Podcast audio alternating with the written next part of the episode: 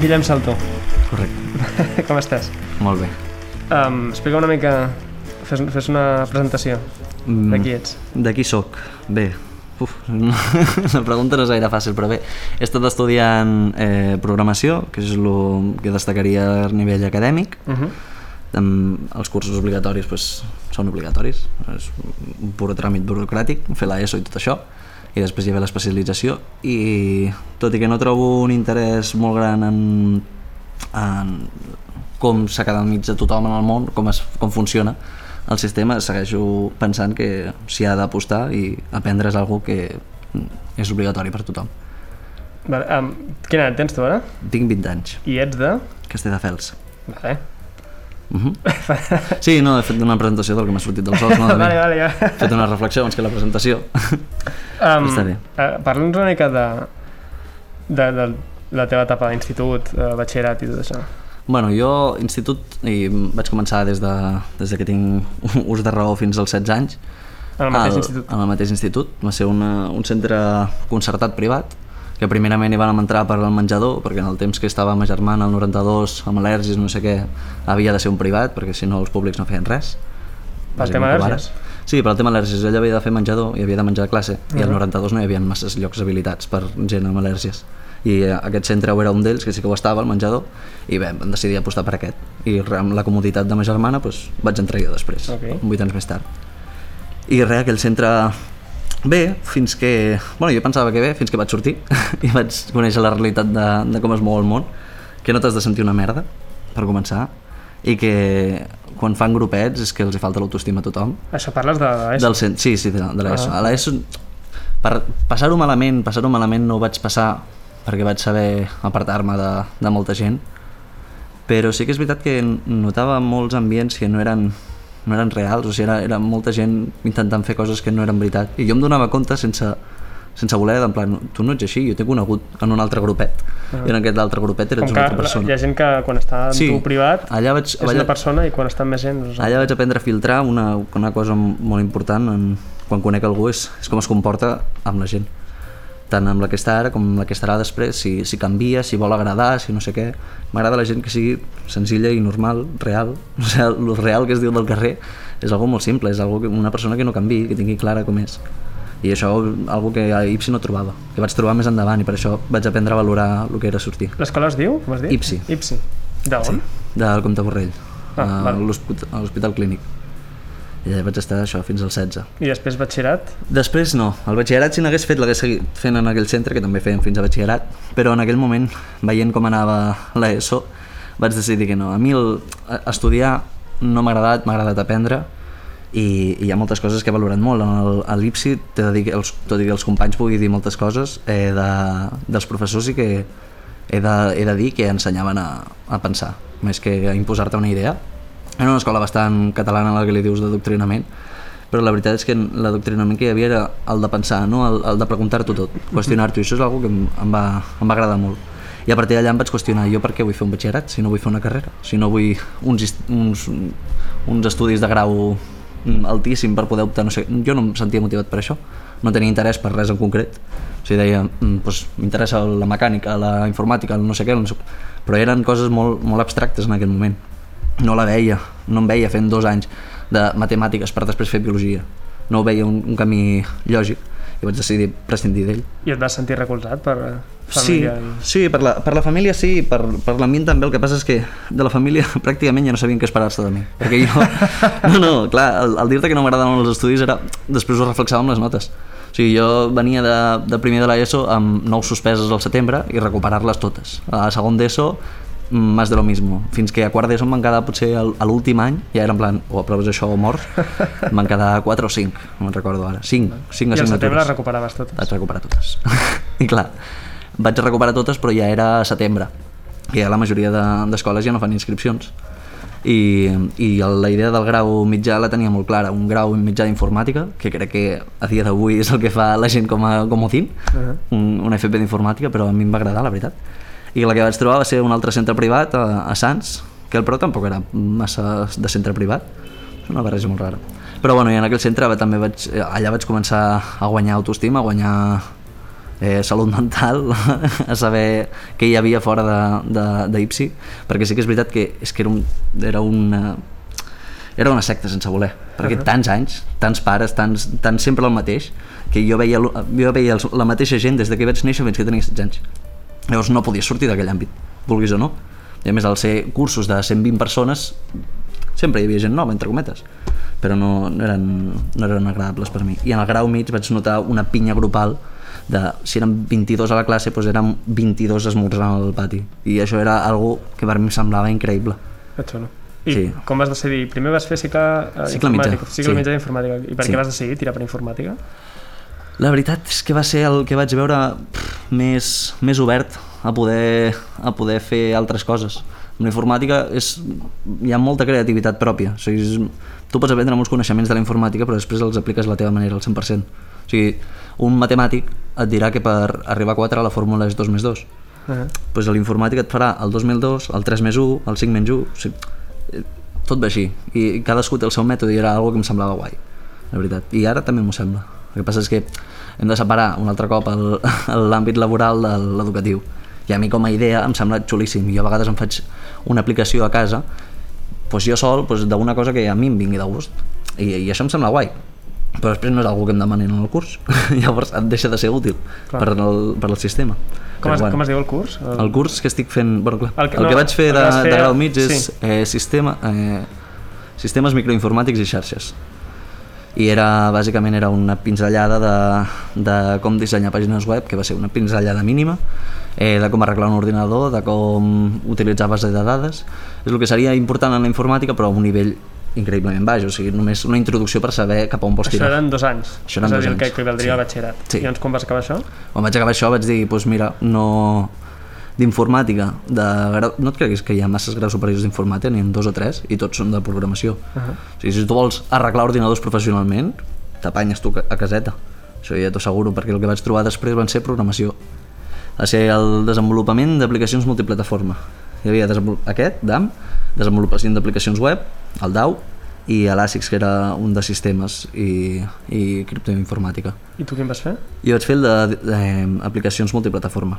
Que això què és? Això és aprendre a programar en un llenguatge en concret, que en el meu cas va ser Java, i t'explicaven com, fun com funcionaven les aplicacions en el sentit de com fer-ho des d'un ordinador, des d'un mòbil, des de, des de qualsevol lloc, que tot estigui connectat per la red, com instaurar una base de dades dintre d'una aplicació, molts tecnicismes molt importants, però que no és que sigui un nivell baix, però sí que ara ve la feina de debò, que és la que has de fer tu a casa. O sigui, aquests, aquests graus t'ensenyaven la, la base més base, però com t'he dit, el, el resultat que sigui 4, el 2 més 2, o pot ser l'arrel quadrada d'ahir, no, o sigui, tu pots allargar tot el que vulguis, la programació, i la feina real del programador ve després dels seus estudis, entre cometes.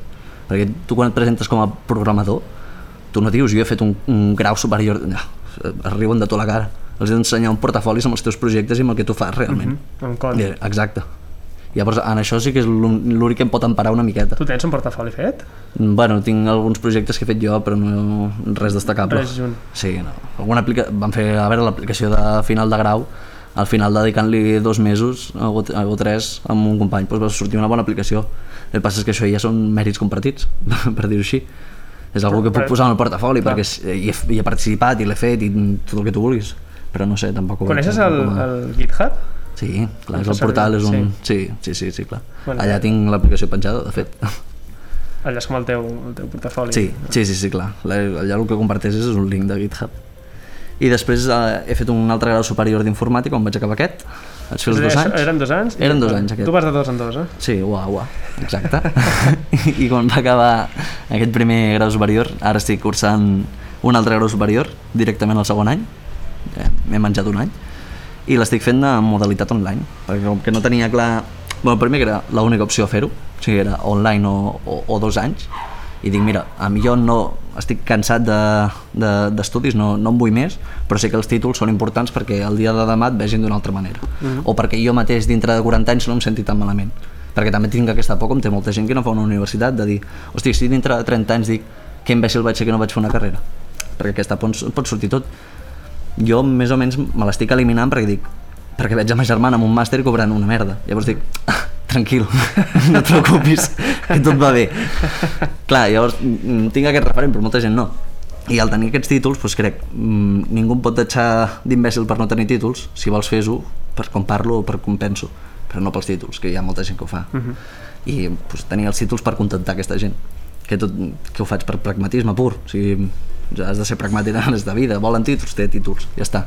Després d'això ja faràs la teva vida, primer contenta'ls. Tu què voldries fer? De què t'agradaria treballar? A mi m'agrada m'agraden les persones. Una pers un cos un... I, no, i amb la informàtica no es barreja massa. I treballes amb ordinadors. Treballo amb ordinadors, sí. No, no tenen massa conversa. Clar, jo els intento donar però no.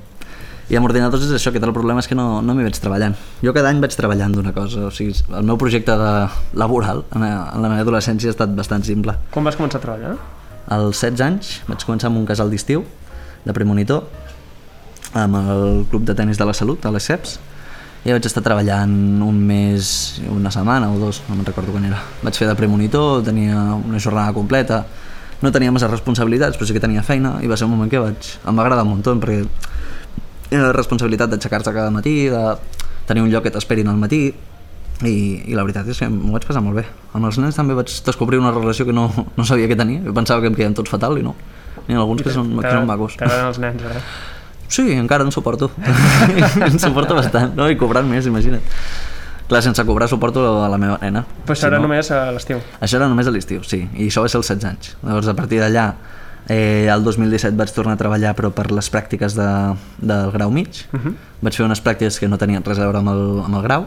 Vaig fer unes pràctiques al Cash, al cash Converters, que, que era un, un les, lloc de venda. Les vas trobar tirant currículum? Que? No, no, no, me les va assignar al centre. Sí, sí. El, el Cash Converters, que no tenia res a veure amb el... Exacte. El centre estudiantil, IFP, uh -huh. em va assignar com a centre de pràctiques eh, Cash Converters, perquè tenen un llistat de centres que estan eh, convalidats com a sector d'informàtica. Bueno, Cash Converters estava en un d'ells, però no jo no m'ho crec. res del que... No, hi havia, hi havia ordinadors n'hi havia.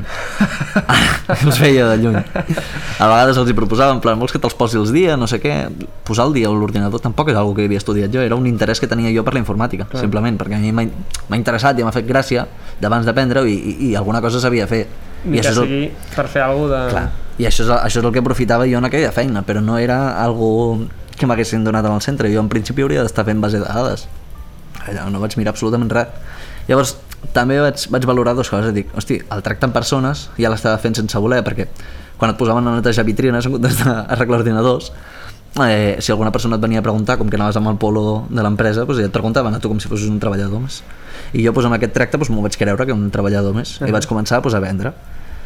I vaig començar, vaig dir, mira, li dono per cul a les vitrines, perquè no, si vols contractar informàtic, et treballo informàtic, però si no, doncs, faré el que em sortia dels ous, i vaig començar a vendre amb la cosa que pues, no se'm donava gens malament i, i un dia em va, em va parar el jefe i em va preguntar per als números en plan, tu estàs netejant? perquè aquí, estàs, aquí hi ha molts mils i no té sentit i jo li vaig dir que no, que, que, estava, que estava venent últimament i jo, ah, pues segueix perquè clar, ets vista és com, uh -huh. ets gratis i m'estàs venent ja està, és que m'és igual ja posaré un altre o sigui, sí, sí. i sí, vaig, vaig seguir amb aquesta, amb aquesta carta fins que al final de pràctiques ja portava un, ja portava un mes o així treballant i al final de, de pràctiques em van dir de, de si volia seguir amb el contracte però ja cobrar i sí, sí, els vaig dir que sí, vaig estar treballant vaig estar treballant de, diria que de març fins a juny.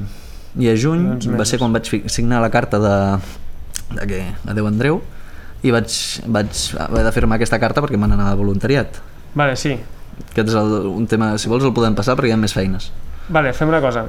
Això és molt interessant, però acabem les feines vale. i després passem a fer el voluntariat. Després d'aquesta feina que vaig deixar, vaig fer el voluntariat a l'estiu, bla, bla, bla, quan vaig tornar em van, de, em van dir si volia tornar a entrar, vaig dir que no perquè ja començava un curs nou del grau superior i vaig dir calma-te, anem a veure què tal. Eh, amb el curs vam començar, vam començar fluixets, com tots els cursos. la cosa va anar remuntant i el, a l'hivern següent, que seria l'hivern del, del 18, vale.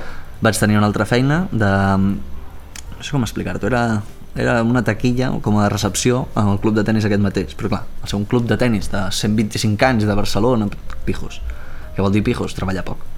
Llavors jo estava allà esperant, era de dilluns a, di de, de dilluns a diumenge, sí que és veritat que vida no en tenia, però feina tampoc era una locura, i era bàsicament estar assegut i esperant que em portessin i donar taquilles per números, no sé què, el bascanvi de tota la vida de Uh -huh. un guardarrobes, bàsicament. I allà vaig estar treballant eh, durant les obres del gimnàs. Vaig estar dos mesos. Què vols dir? Allà estan fe... O sigui, la meva feina va, va venir perquè tots aquests tenien una taquilla en el gimnàs. Uh -huh. Al no tenir taquilla, em vaig convertir en la taquilla. Ah, Vale. de tots. Val? per això hi va durar doncs, Vale, dos vale. mesos i mig el que durés l'obra.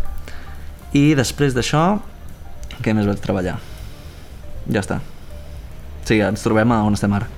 Després, el, el 2019 no vaig treballar a l'hivern, vaig permetre aquest luxe, I després ha vingut el que ha vingut. i després ha vingut el curs que estic, el, la feina que estic ara, que estic d'auxiliar sanitari, de Camiller, en l'Hospital Vale. Clínic de també comença, Barcelona. comença una pandèmia mundial i te'n vas a treballar en un hospital, és a dir... Clar, no, no, no però jo, jo vaig pensar durant el confinament, dic, hòstia, m'estic avorrint aquí a casa, no estic treballant de res, no, no és que vulgui ser el bon samaritano d'ajudar, però dic, hòstia, pues, a veure si puc trobar una feina que de debò sigui útil, no només per mi ni pel meu sou bancari, sinó per més gent.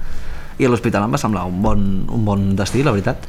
I eh, dic, què sé jo? Pues informàtica.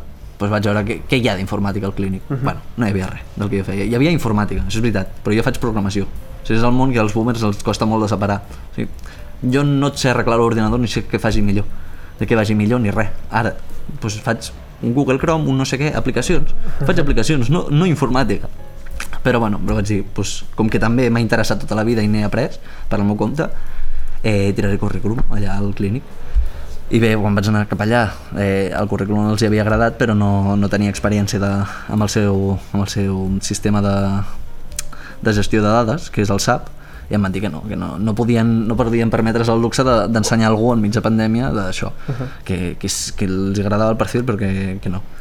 I em van dir, però sí que tenim demanda d'auxiliars sanitaris, que són els camillers, els saladors.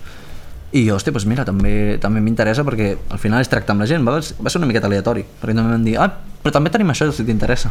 I Jo, jo estava flipant, la veritat, però em cridava l'atenció. Els vaig dir, pues sí, mira, eh, pues sí, sí que estic dintre. I ja, ja em van dir, ah, vale, pues, pues el dimarts que ve fem la- l'acollida, la, la formació. I jo, hòstia, ja, ja, estic, ja estic agafat i tot, no sé què. Diu, sí, sí, a l'entrevista ens vas agradar. I vale, pues mira, allà van, van valorar pues, la- l'actitud, o perquè de currículum poca cosa posava. O sigui, d'aptituds informàtiques són les que hi han, tinc la- l'experiència laboral que no té res a veure amb el seu sector i com a molt es poden haver fixat amb el voluntariat, és tot. I et van agafar i... I em van agafar i van començar a fer-me la formació fa una setmana i mitja. Vale. Vaig fer 3 dies de formació, que són unes mm, quasi 30 hores, i a partir de, i la setmana passada ja vaig començar a fer els dos primers dies, que treballo de nits, vaig una jornada de 9 de la nit fins a les 7 del matí, que bueno, es fa una mica llarga però està, està bastant interessant, i de moment porto 40 hores treballades, I t'està agradant. m'està encantant. El tracte amb les persones és molt diferent que les màquines. Les màquines, és que a sobre li programo jo la resposta a la màquina, ja veus tu quina, quina conversa hi ha. Hòstia, si t'agrada tractar amb persones. Sí, sempre m'ha agradat molt. Amb, no ho he pogut reflexar amb més feines, més que amb el Cash Converter, el seu venedor, la veritat és que jo era un fill de puta perquè em volia posar al cap de la persona per fer-li... O sigui, jo era el capitalisme en persona. Bueno, jo anava allà... això es tracta de vendre? Exacte. Jo anava allà i en plan, tu no vols aquest teclat, però te l'enduràs.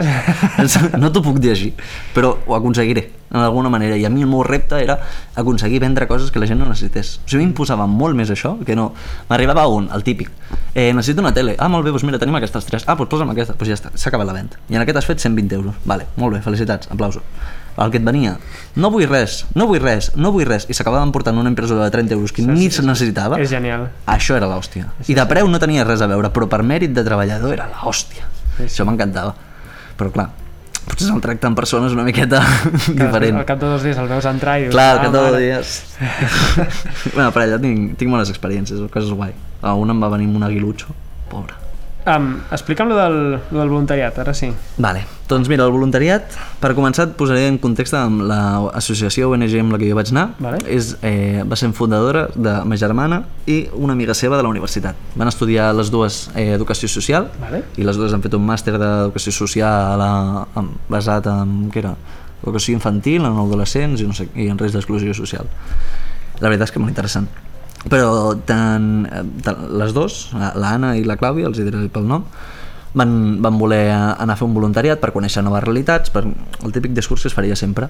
I bé, ma mare pues, també molt, molt bonic que vulguis fer això, però no me fio, perquè estàs anant a un altre continent que jo no tinc ni idea, que tothom diu Àfrica, que és una paraula molt curta, però amb terreny és enorme, uh -huh. que tots ho contemplem com un país, pràcticament, i va dir, vale, pues, si vols anar a Àfrica, pues, aniràs amb, la, amb una ONG que treballa, que està de col·laboradora amb el clínic.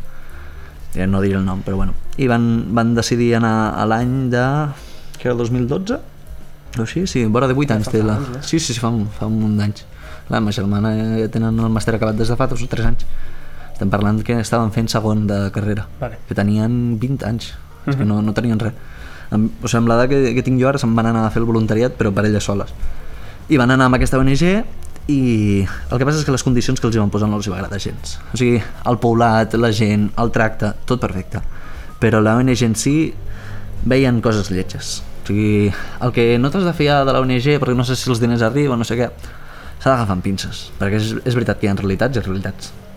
Jo et puc pos- posar la mà al foc de que a Baraka no, no té res de corrupció ni merdes, però perquè estic jo dintre, i t'ho puc assegurar. Però això és un cas en concret. Baraka has dit? És A la- Baraka. a Baraka. És la, és la ONG en la que estaven elles, a, Vale. a arribar a aquest punt. Vale. Elles van fer aquest primer any de, de viatge, els hi va agradar molt, però és això, la, la ONG no van coincidir. I el següent any van dir, escolta, jo mm, m'he quedat allà quasi dos mesos o tres, he fet relació amb un munt de gent, doncs vull tornar-hi. I l'any següent van estalviar-se els diners que van poder treballar i van anar-hi pel seu compte, completament, sense ONG. Van estar acollides per una família, d'allà que ja havien conegut l'any anterior, i s'hi van tirar allà dos o tres mesos més genial també però clar, ja els van dir, escolta, si vols anar venint aquí que em sembla molt guai, crea't el nom d'ONG ni que sigui com a puro tràmito perquè et posaran moltes més facilitats en el govern a l'hora de venir, a l'hora de no sé què, no sé quantos, sigui veritat o no. I van dir, ah, pues sí, pues sí, i us posem a vosaltres també, sí, sí, i van fer una ONG d'això, elles dos i dos responsables d'allà.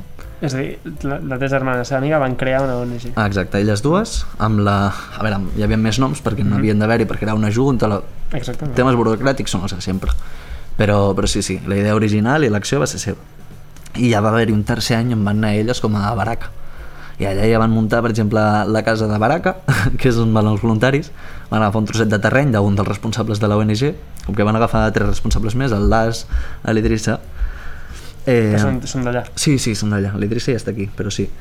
I van agafar un tros de terreny i van començar a construir la, la casa de Baraka, una casa molt austera, molt petita, amb materials molt senzills, però suficient per viure. O sigui, no, no necessitaven més. I això va ser el tercer any, que es lo van gozar, el, el quart no sé si van estar a vora mig any, o sigui, van tenir unes temporades llarguíssimes, que pràcticament tenien una segona vida allà. I la veritat és que, clar, això et fa, això et fa una miqueta eh, dependent també d'anar-hi. Llavors hi volien tornar cada any. Ja es va ser algo sistemàtic. Bueno, clar, la cosa, el, vulguis que no, si, si vas posant ganes i temps, problemes no tenien en redactar projectes i amb ganes i tot això. Llavors doncs, van començar a venir doncs, alguns ajuts d'algunes empreses que començaven a apostar per a Baraka i tal. No són massa grans, però sí que és veritat que són molt transparents i sempre hem mostrat al, no sé, ninguna empresa se'ns ha queixat del tracte perquè tot el que han demanat ho han tingut tota la transparència que hem pogut perquè és veritat que s'han trobat molts casos d'estafa que nosaltres inclús els hem viscut de saber que una ONG en concret els han donat una partida de diners per posar plaques solars a X lloc i que hagin passat dos anys i que no siguin les plaques solars però casualment la casa del responsable sigui 30 metres quadrats més gran. Dius, epa, Uh -huh. clar. Llavors això passa, això és veritat i no, no vinc. Seria hipòcrita completament dir, dir que no perquè ho he vist. I, però, però et puc assegurar que no, en el, en el seu cas no va passar. Bé, van, van avançar en la ONG i van passar 5 anys ja portaven, el 2015 va ser el primer any que van començar a plantejar-se si, si hi havia més gent que podia complir aquesta experiència amb elles. Les primeres van ser les mares, òbviament per dir què és lo que hay aquí tan guai que volvéis cada any. I, i bé, van fer el primer any de voluntariats que va ser tot un èxit. Van, em sembla que tres persones eren era molt relació de, molt, molt propera, molt íntima. Hi gent que em sembla que era Catalunya segur, però inclús dins de Barcelona i, i bé, van veure que funcionava això, que els hi, que els hi podia, podien tirar endavant i a més ho combinaven amb el fet de- d'anar a fer projectes l'any que vaig coincidir jo, que va ser el 2018 va ser el, el l'1 d'agost em sembla que vaig arribar allà jo complia els anys el 29 de juliol Allà on és? a Guinea-Bissau, perdó, clar, Guinea-Bissau. no t'he dit, no Sí. t'he dit Àfrica tota l'estona. Sí, El país és Guinea-Bissau. Vale. És, eh, està al nord al nord-est d'Àfrica, a prop de, de, dir-te, de Gabú, de Burkina Faso, tota aquella zona. País molt petit, té un, un milió de persones, em sembla, en tot el país, és molt petit. I nosaltres anem a una regió de l'interior que es diu eh, Gambàs, molt petita, però estem molt a prop d'una segona capital. Seria Barcelona, doncs es diu Bafetà, allà la segona capital. Ens? Queda, Bafetà. Ens queda 9 quilòmetres, o sigui, molt a prop. O sigui, està molt ben situada, perquè és un lloc que manté, manté completament l'autenticitat d'un poblat africà, que no és el que surt a les pel·lis, però és un poblat africà, allà el pots veure, i a 10 quilòmetres tens pues, un, un munt de, de coses que et poden salvar, com un hospital, per exemple, Ah, vale. que es, es valora, es valora molt. Sí, sí, a més van fer projectes amb l'hospital. I bueno, el, el, el 18, el primer projecte que vam, que vam fer així important va ser una escola, vam fer l'escola de Farato, que és un poblat que també està a uns 10 o 15 quilòmetres. El que passa és que les, les carreteres són, bah, són el pitjor que hi ha. I clar, els nens o es menjaven els 15 quilòmetres a peu o, o no anaven a l'escola. I fa potser 60 anys ja hi havia una escola allà, però decadència, el govern no paga, no sé què, no, no funciona. I vam fer el primer projecte allà, que va ser el primer any que vaig anar jo, va ser superinteressant, la veritat. A la veritat és que els voluntaris eh, és una visió molt diferent de la, de la que podria ser un voluntariat. Jo el que trobo aquí, molts cops, és que el voluntariat el, el, s'hauria de, de definir com el que fa algo voluntari per fer un projecte. O sigui, ha d'haver-hi un projecte al mig en el que participis, si no, no ho veig tant un voluntariat. Jo realment no vaig anar a fer un, un voluntariat al 100% perquè jo, l'escola, sí que és veritat que vaig ajudar a construir-la perquè estava allà i a mi pues, ho veia quasi com fer esport, pràcticament, i m'agradava molt, però no m'hi notava 100% partícip en aquest projecte. Però tu què vas anar allà? Què vas anar a fer? Exacte, jo no coneixia, no coneixia el que anava fent. Em van dir, això t'obrirà els ulls. Vale. És la típica frase. Sí. He de dir que és veritat. O sigui, sona molt de d'esto, però és veritat. Coneixes una realitat que si tu tens la ment una mica oberta, ara tu, tu pots venir, eh, cantant el Sig Heil d'Àfrica per- perfectament. Si tens la ment tancada, la tens tancada a qualsevol lloc. Però si tens una mica la ment oberta i, i pots apreciar diferents realitats que hi ha en el món, quan tornes aquí dius, hosti, doncs no estic sol. Hem de reconèixer que sóc una puta merda en tot aquest món. Mm -hmm. Llavors està, està molt bé conèixer, conèixer món. Sempre jo recomano viatjar per curar tot però, però bueno, clar, allà no vaig ser part- partícip i el que sí que notava, el que sí que he de destacar de, de Baraka és que tu tens un tracte directe amb la realitat africana. O sigui, tu vius en la poblat, no ets un blanc que està en aquella casa. O sigui, que per molts d'ells sí, segur que seràs el blanc que està allà i prou. Però tu no et sents com això, no et fan sentir així. Eh, Tu estàs en una convivència real, tu vas a treure aigua del mateix pou on el treuen. Que tu després li poses iodo per potabilitzar-lo, el que tu vulguis. Però l'has tret del mateix lloc. On vas a rentar la roba ho fas al mateix lloc. Quan cuines, nosaltres cuinem amb el carbó exactament igual que ells. Nosaltres l'encenem amb pastilles de foc, perquè no tenim habilitat, però cuinem al mateix lloc. Entonces, I és algo com, hòstia, estic vivint aquí, ara estic vivint, i al final és un viatge que com a mínim són 3 setmanes. A, a, a la que passen 15 dies de no estar a casa teva, ja vas canviant el xip de, ah, doncs mira, m'adapto, això ja sé com va, això no sé què. I és veritat que el primer any hi havia una incertesa molt gran, perquè no saps l'idioma, no, no entens les costums, no entens que si el marit està pagant a la dona no facis res. Hi ha moltes situacions d'impotència molt grans perquè tot i que hi hagi moltes coses que s'hagin de dir que són increïblement i em- increïblement bones i, i envidiables i tot, també hi ha d'altres que anem a recordar que és un país musulmà on el patriarcat està imposadíssim, o sigui, no pots queixar-te de que hi hagi violència de, eh, de gènere o sexista en una casa, no, és el més habitual. Llavors, has d'anar amb compte. Uh, la violència és un, és un moment que... O sigui, no, no una violència cap a tu, sinó una convivència amb la violència. O sigui, és part de la vida. És, has anat a buscar aigua, se t'ha caigut l'aigua. Cony, m'acabes de tirar 11 litres d'aigua que he tardat 20 minuts en tirar. Doncs pues agafaré una rama, la trauré de fulles i et fotré d'hòsties. Això va així i és algo quotidià. És algo, no és una violència extrema, és, simplement existeix. A tu no te la fotran. Però, per, bàsicament perquè eh, és dels llocs més, més eh, diferències raci racials que hi han. O sigui, la racialització dels blancs a Àfrica és impressionant, Sí, que ens l'hem buscat nosaltres, eh? Com et veuen a tu com a blanc? eh? Hi han visions diferents, però molts com un banc i altres com un déu i altres com un cabron. De que, eh, que et vegin com un cabron n'hi ha pocs, però sí que tens confiança. De...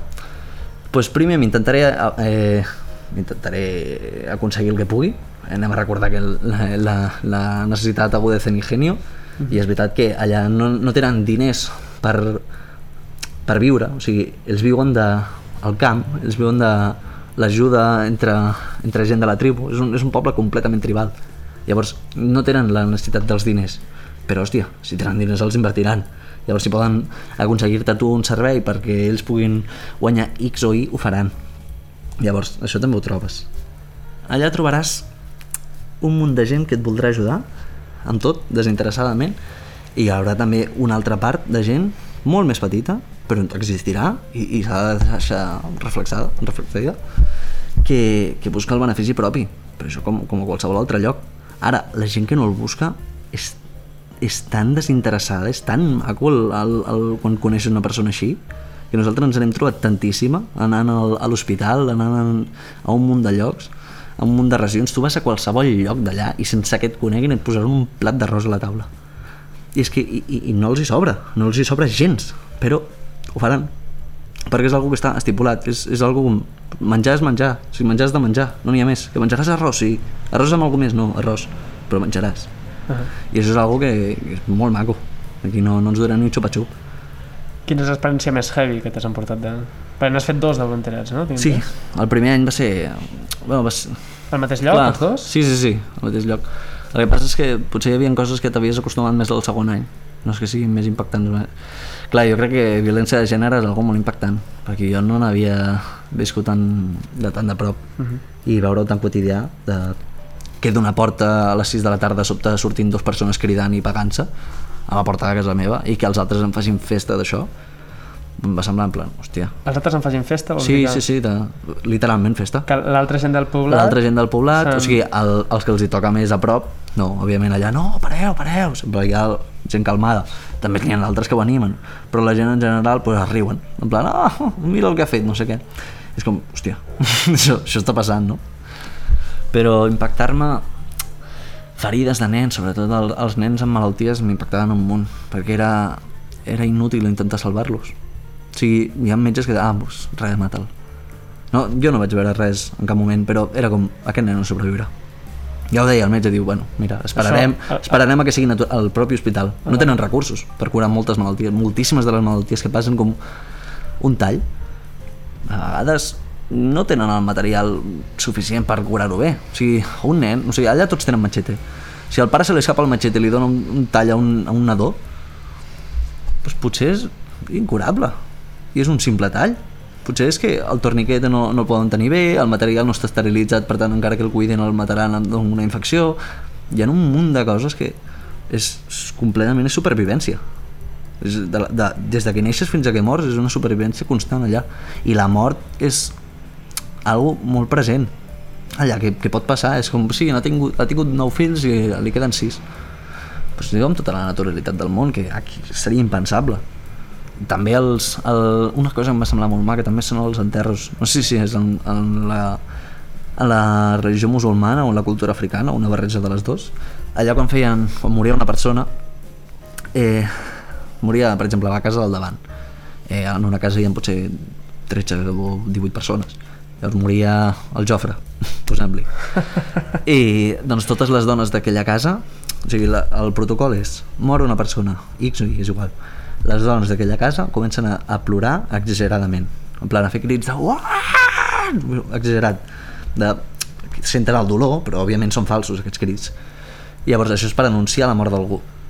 D'allà s'hi van unint més, més dones. No és de, la, de, les, de les cases dels costats, pràcticament també estan obligades a anar allà, el dol es fa cridant, es fa no sé què, es fa plorant i es fa tot. Llavors, en el procés aquest, eh, la, la família, si és un home, els homes la preparen al mort, si és una dona, les dones preparen la morta, amb, amb, amb la vestimenta i tal, no sé exactament, no em vull, no em vull mullar aquí perquè no sé exactament com ho preparen, però sí que es fa la preparació eh, per gènere. I després hi ha una, ceremò una cerimònia al, a la, de la seva mort, la, la que faríem nosaltres.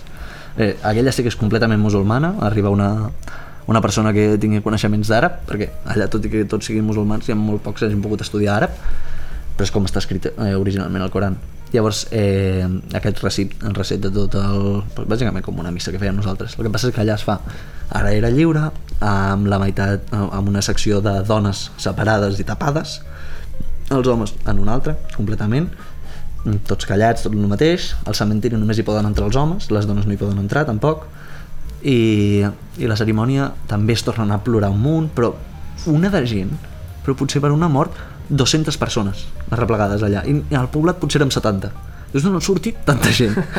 I després aquella persona per dir-ho malament, no era, no era tampoc ni tan important. És a dir, no, és simplement el reconeixement de que una persona s'ha mort, doncs vaig acompanyar, sigui, una persona adulta, eh? A vegades també et dic una altra, o sigui, hi ha això, i de l'altra banda hi ha, se m'ha mort el meu nen de 3 anys, l'enterren darrere de casa i sense cerimònia. És a dir, no hi ha un cementiri... 3 anys no es considera persona. Vale. Liter aquesta frase és una frase directa extreta d'allà. 3 anys no és una persona. Encara no poden contemplar perquè com que és una supervivència constant, als 3 anys encara, és que és veritat, és, una fava, no ho saps encara el que, el que pot passar. Uh -huh. Llavors no el consideren ni persona. A, a, ens van explicar que abans no els hi posaven ni nom, els nens. Quan Fins- eren nens, eh? fins que no tenen- fins que no demostraven que podien viure, allò als 8-9 anys, ni nom, no feia falta. I, i després en el, l'enterro no, no ha acabat allà. Tu segueixes amb, el, amb la cerimònia de, de, dels homes se'n van al, al cementiri, allà fan un altre cop una minimissa, les dones plorant i ve el luto. De partir de la cerimònia fins una setmana més tard, la casa de la mort, del mort i un radi força gran estan de luto. Es pot menjar fora, cuinar fora, tot el de sempre, els nens no juguen. Si un nen crida, se li fot una hòstia. Hi ha un luto complet. De- No, no, o sigui, per exemple, nosaltres va- ens va tocar un, una... va morir una persona que teníem just davant de casa. Durant una setmana no, estar, no podíem fer jocs amb els nens. Els nens venien a casa perquè sempre és una relació que teníem... O sigui, a la porta de casa sempre teníem nens. Per jugar, per diners o, o pel que sí. Però sempre hi havia nens. I tot i que seguien havent-hi, estaven tots callats. Tots callats allà, sense riure, sense fer soroll. És Una dir, setmana de, de Venien dol. a casa vostra, però no deien res. Exacte, seguien el dol que havien de fer i, i aquell dol em va semblar pues, bastant bonic a l'hora de respectar algú mm -hmm. se't fa una miqueta llarg una setmana dius Sí. una setmana potser no fa falta no sé, te parla, una setmana és molt llarg eh? És molt llarg, sí. és molt llarg o sigui, un- un 20% del meu viatge va ser dol Ah. I llavors però sí, passa i a partir d'allà, pum, quan s'acaba el dol fan la, la cerimònia de, la, de recordar la mort d'aquesta persona a la setmana. I pues, un altre cop la congregació de 200 persones que aquest cop ja són 100 eh, no és tan loco i normalment potser inclús 50 i, i això, es fa el recordatori a la setmana. I als 40 dies de la seva mort es fa una altra cerimònia. Ja, ja no hi ha dol de pel mig però es fa una, una tercera cerimònia als 40 de mort de qualsevol persona i això són les cerimònies que em van semblar Estàvem passar tot l'any de cerimònies, aquesta T'ho anava a dir, dic, no entenc amb la quantitat de, de, de morts que hi ha, perquè l'esperança de vida és, és, és baixa, és com del 50 o menys, com fas aquesta quantitat de cerimònies? Però sí, sí, jo, jo ja n'he vist dos de- d'aquestes completes, completes. Hòstia. I això em va sobtar molt, però sí que és veritat que és una manera bonica de recordar, de recordar la gent, no sé, se li dona molt, molt pes a la mort d'algú. Animes a la gent, doncs, a fer... A morir sí, a tot el que puguin.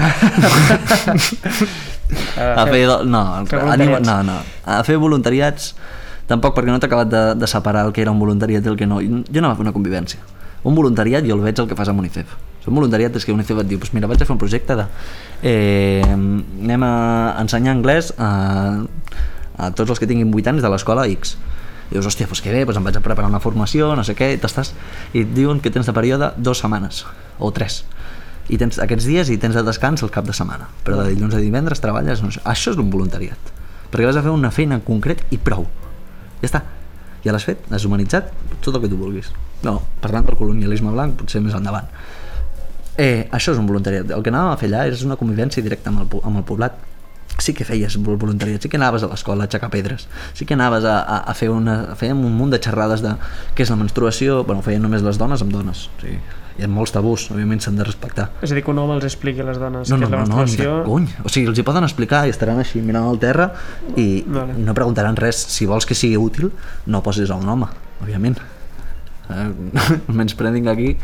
Però en feien d'altres també de per què és important la higiene bucodental, per què és important la higiene en general, i d'això n'hem omplert sempre, eh? N'hem anat fent i, i en fèiem un munt, o sigui, de fet teníem també altres empreses que, de, de dentistes i tal que ens donaven mostres de pastes de dents i raspalls i n'hem pogut repartir fins a 200 o 300, un munt. Però no són projectes que tu vas destinat a fer això de, ah, no, doncs vaig a repartir raspalls de dents. No, perquè no són voluntariats, és una convivència barrejada amb, amb, amb això, amb allò, i, i em sembla algo preciós. No, no li puc trobar un nom, perquè si li busques definició no la trobaràs, però, però és que és molt maco, és, és fer unes, unes convivències però amb, amb ajuda humanitària de per mig. Uh -huh. I a mi m'agrada molt. Jo recomano per gent que vulgui realment conèixer Àfrica. Si tu vols fer un projecte de, de X coses o, o Y, em sembla genial genial, però no és el lloc on fer-ho amb, la, amb la nostra ONG perquè som petites, no tenim els recursos per fer això. Ja ens encantaria poder no, no parar de fer projectes, però no és el cas. Com que no és el cas, però tots es- estimem allò doncs si hem d'estar dues setmanes per fer el, el treball, doncs hi estem un mes. I fem el treball i ens ho passem bé a més. Exacte. llavors és algo bonic. I jo recomano per la gent pues, que no tingui, no tingui l'experiència de fer un projecte perquè hi ha molta gent que vol ajudar però no sap per on començar o sigui, la, hi ha molta gent amb ganes d'ajudar però jo et deixo allà al mig i dic vinga, què, què volies fer? Vols ensenyar futbol als nois? Vinga, fot-li. Vinga, no, no poden, no poden perquè necessites els recursos, necessites conèixer el primer any és coneixença completament.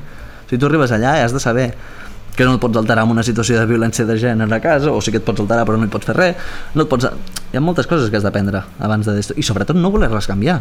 O sigui, no vinguem de, de colons un altre cop o sigui, ja, ja prou mal hem fet no fa falta ara imposar les d'esto perquè per què se li diu que és el primer món aquest? Què, què tenim d'avantatges? La sanitat, el no sé què, no sé quantos, però allà hi ha moltes coses que nosaltres en vegem d'aquí no, no vulguem col·locar coses que no tenen a, a, les mans seves perquè nosaltres considerem que serà millor. Una cosa és l'evolució natural i l'altra és la imposició. Per què ells no tenen ni per menjar però sí que tenen mòbils?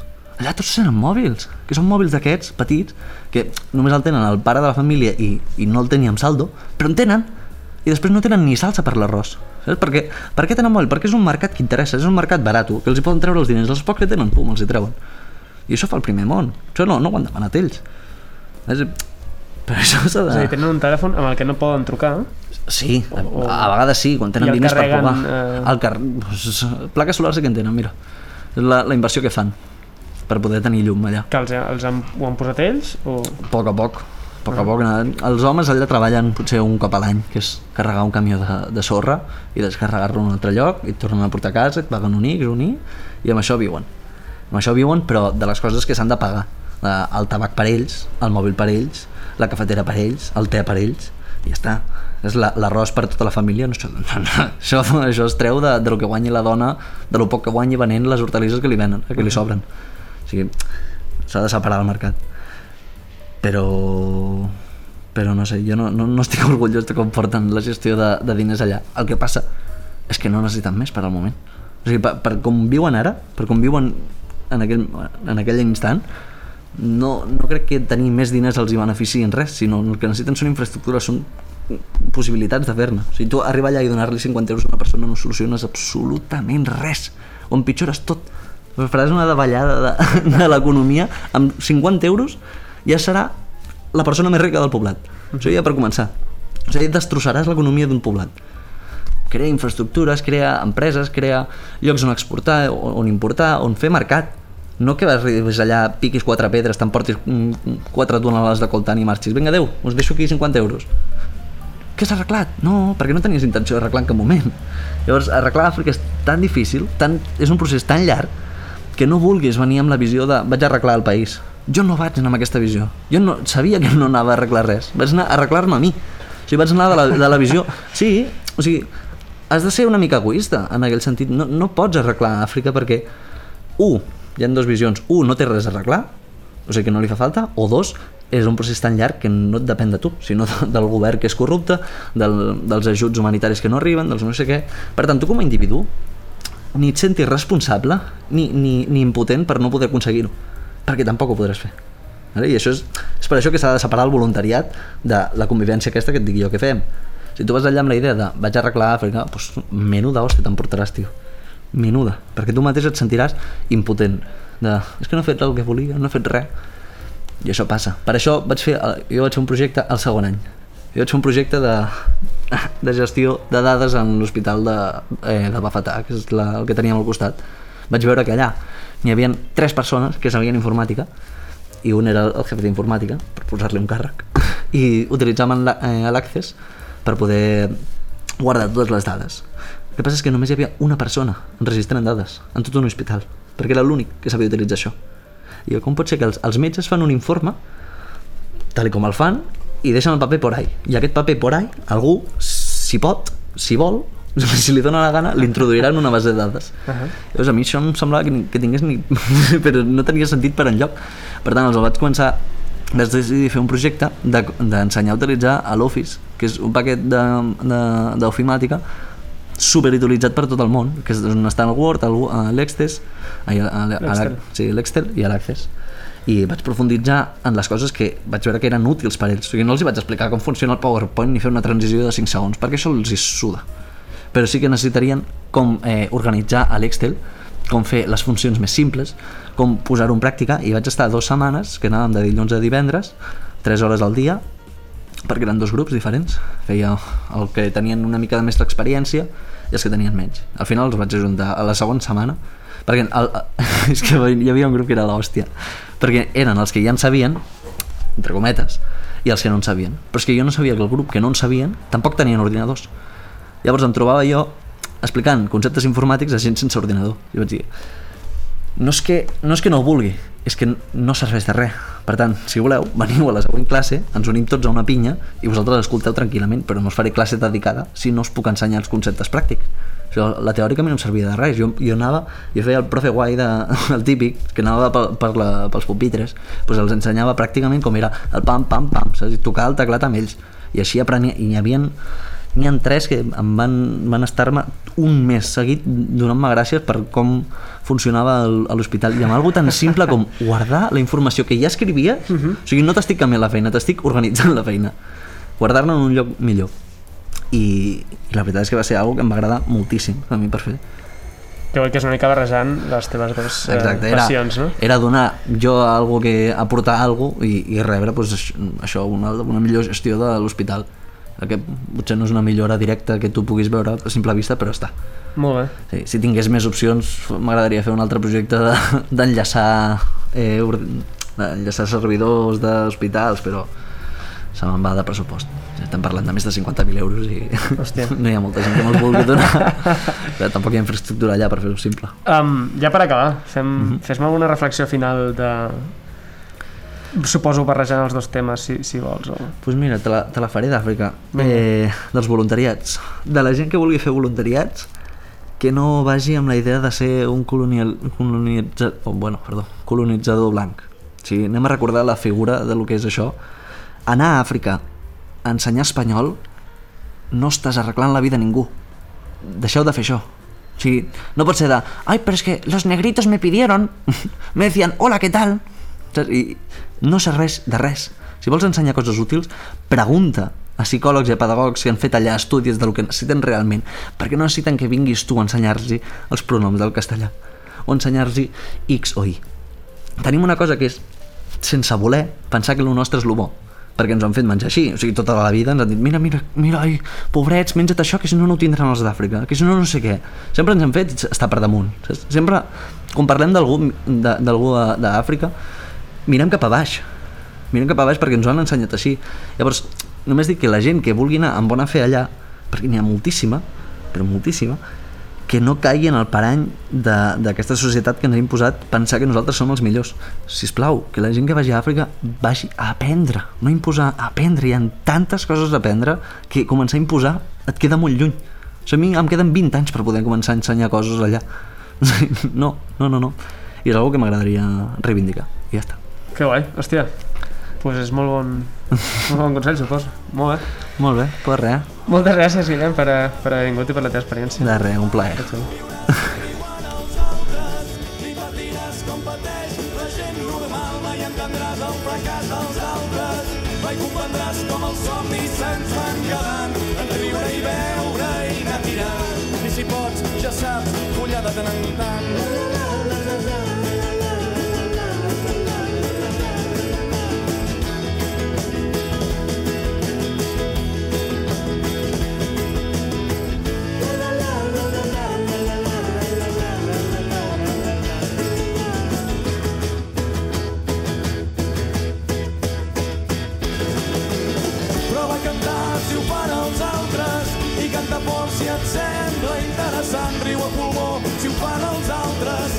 No t'estranyis si et gires que riguin de tu, que no et sorprenguis si estan farts de tu, jugant a ser com és la gent normal.